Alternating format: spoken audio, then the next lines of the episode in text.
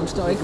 I har jo lige fået noget, noget is hjem Ja, fra Tyskland. fra Bremerhaven, ja. Det har været nede og blevet savet op. Øh, Det blev boret i sommeren 22 og i sommeren 23 i Grønland. Og så øh, har vi har tyskerne et stort laboratorium, et frysehuslaboratorium, hvor vi har skåret isen op.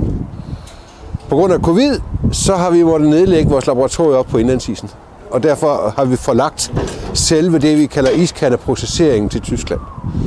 Og så har det været i Bremerhaven, og nu er det så færdigbehandlet, og nu kommer det tilbage til lageret og skal stå her som bibliotek. Så øh, vi har fået et lastvognslæs. Ja, hvad er der? Der har været 10 paller, der står tre tilbage nu her, men omkring øh, 60 kasser is har vi fået leveret, som øh, nu bliver kørt ind i fryseren. Og så skal de jo så finde et fint sted på en reol derinde, når han nu får plads.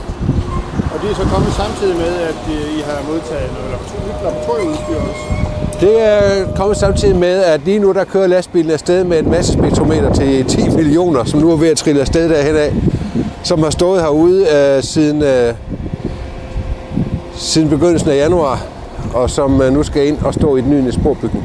Så det er en stor dag. Det er en stor dag. Og ikke nok med det, så har vi service på fryseren med svedagen. Og så skal vi til at takle en omfattende vandskade, vi har haft i fryseren her for en måned siden. Så øh, vi er nogle stykker herude, og nu øh, skal vi så til at håndtere det. Så det er godt, at I skal op på isen.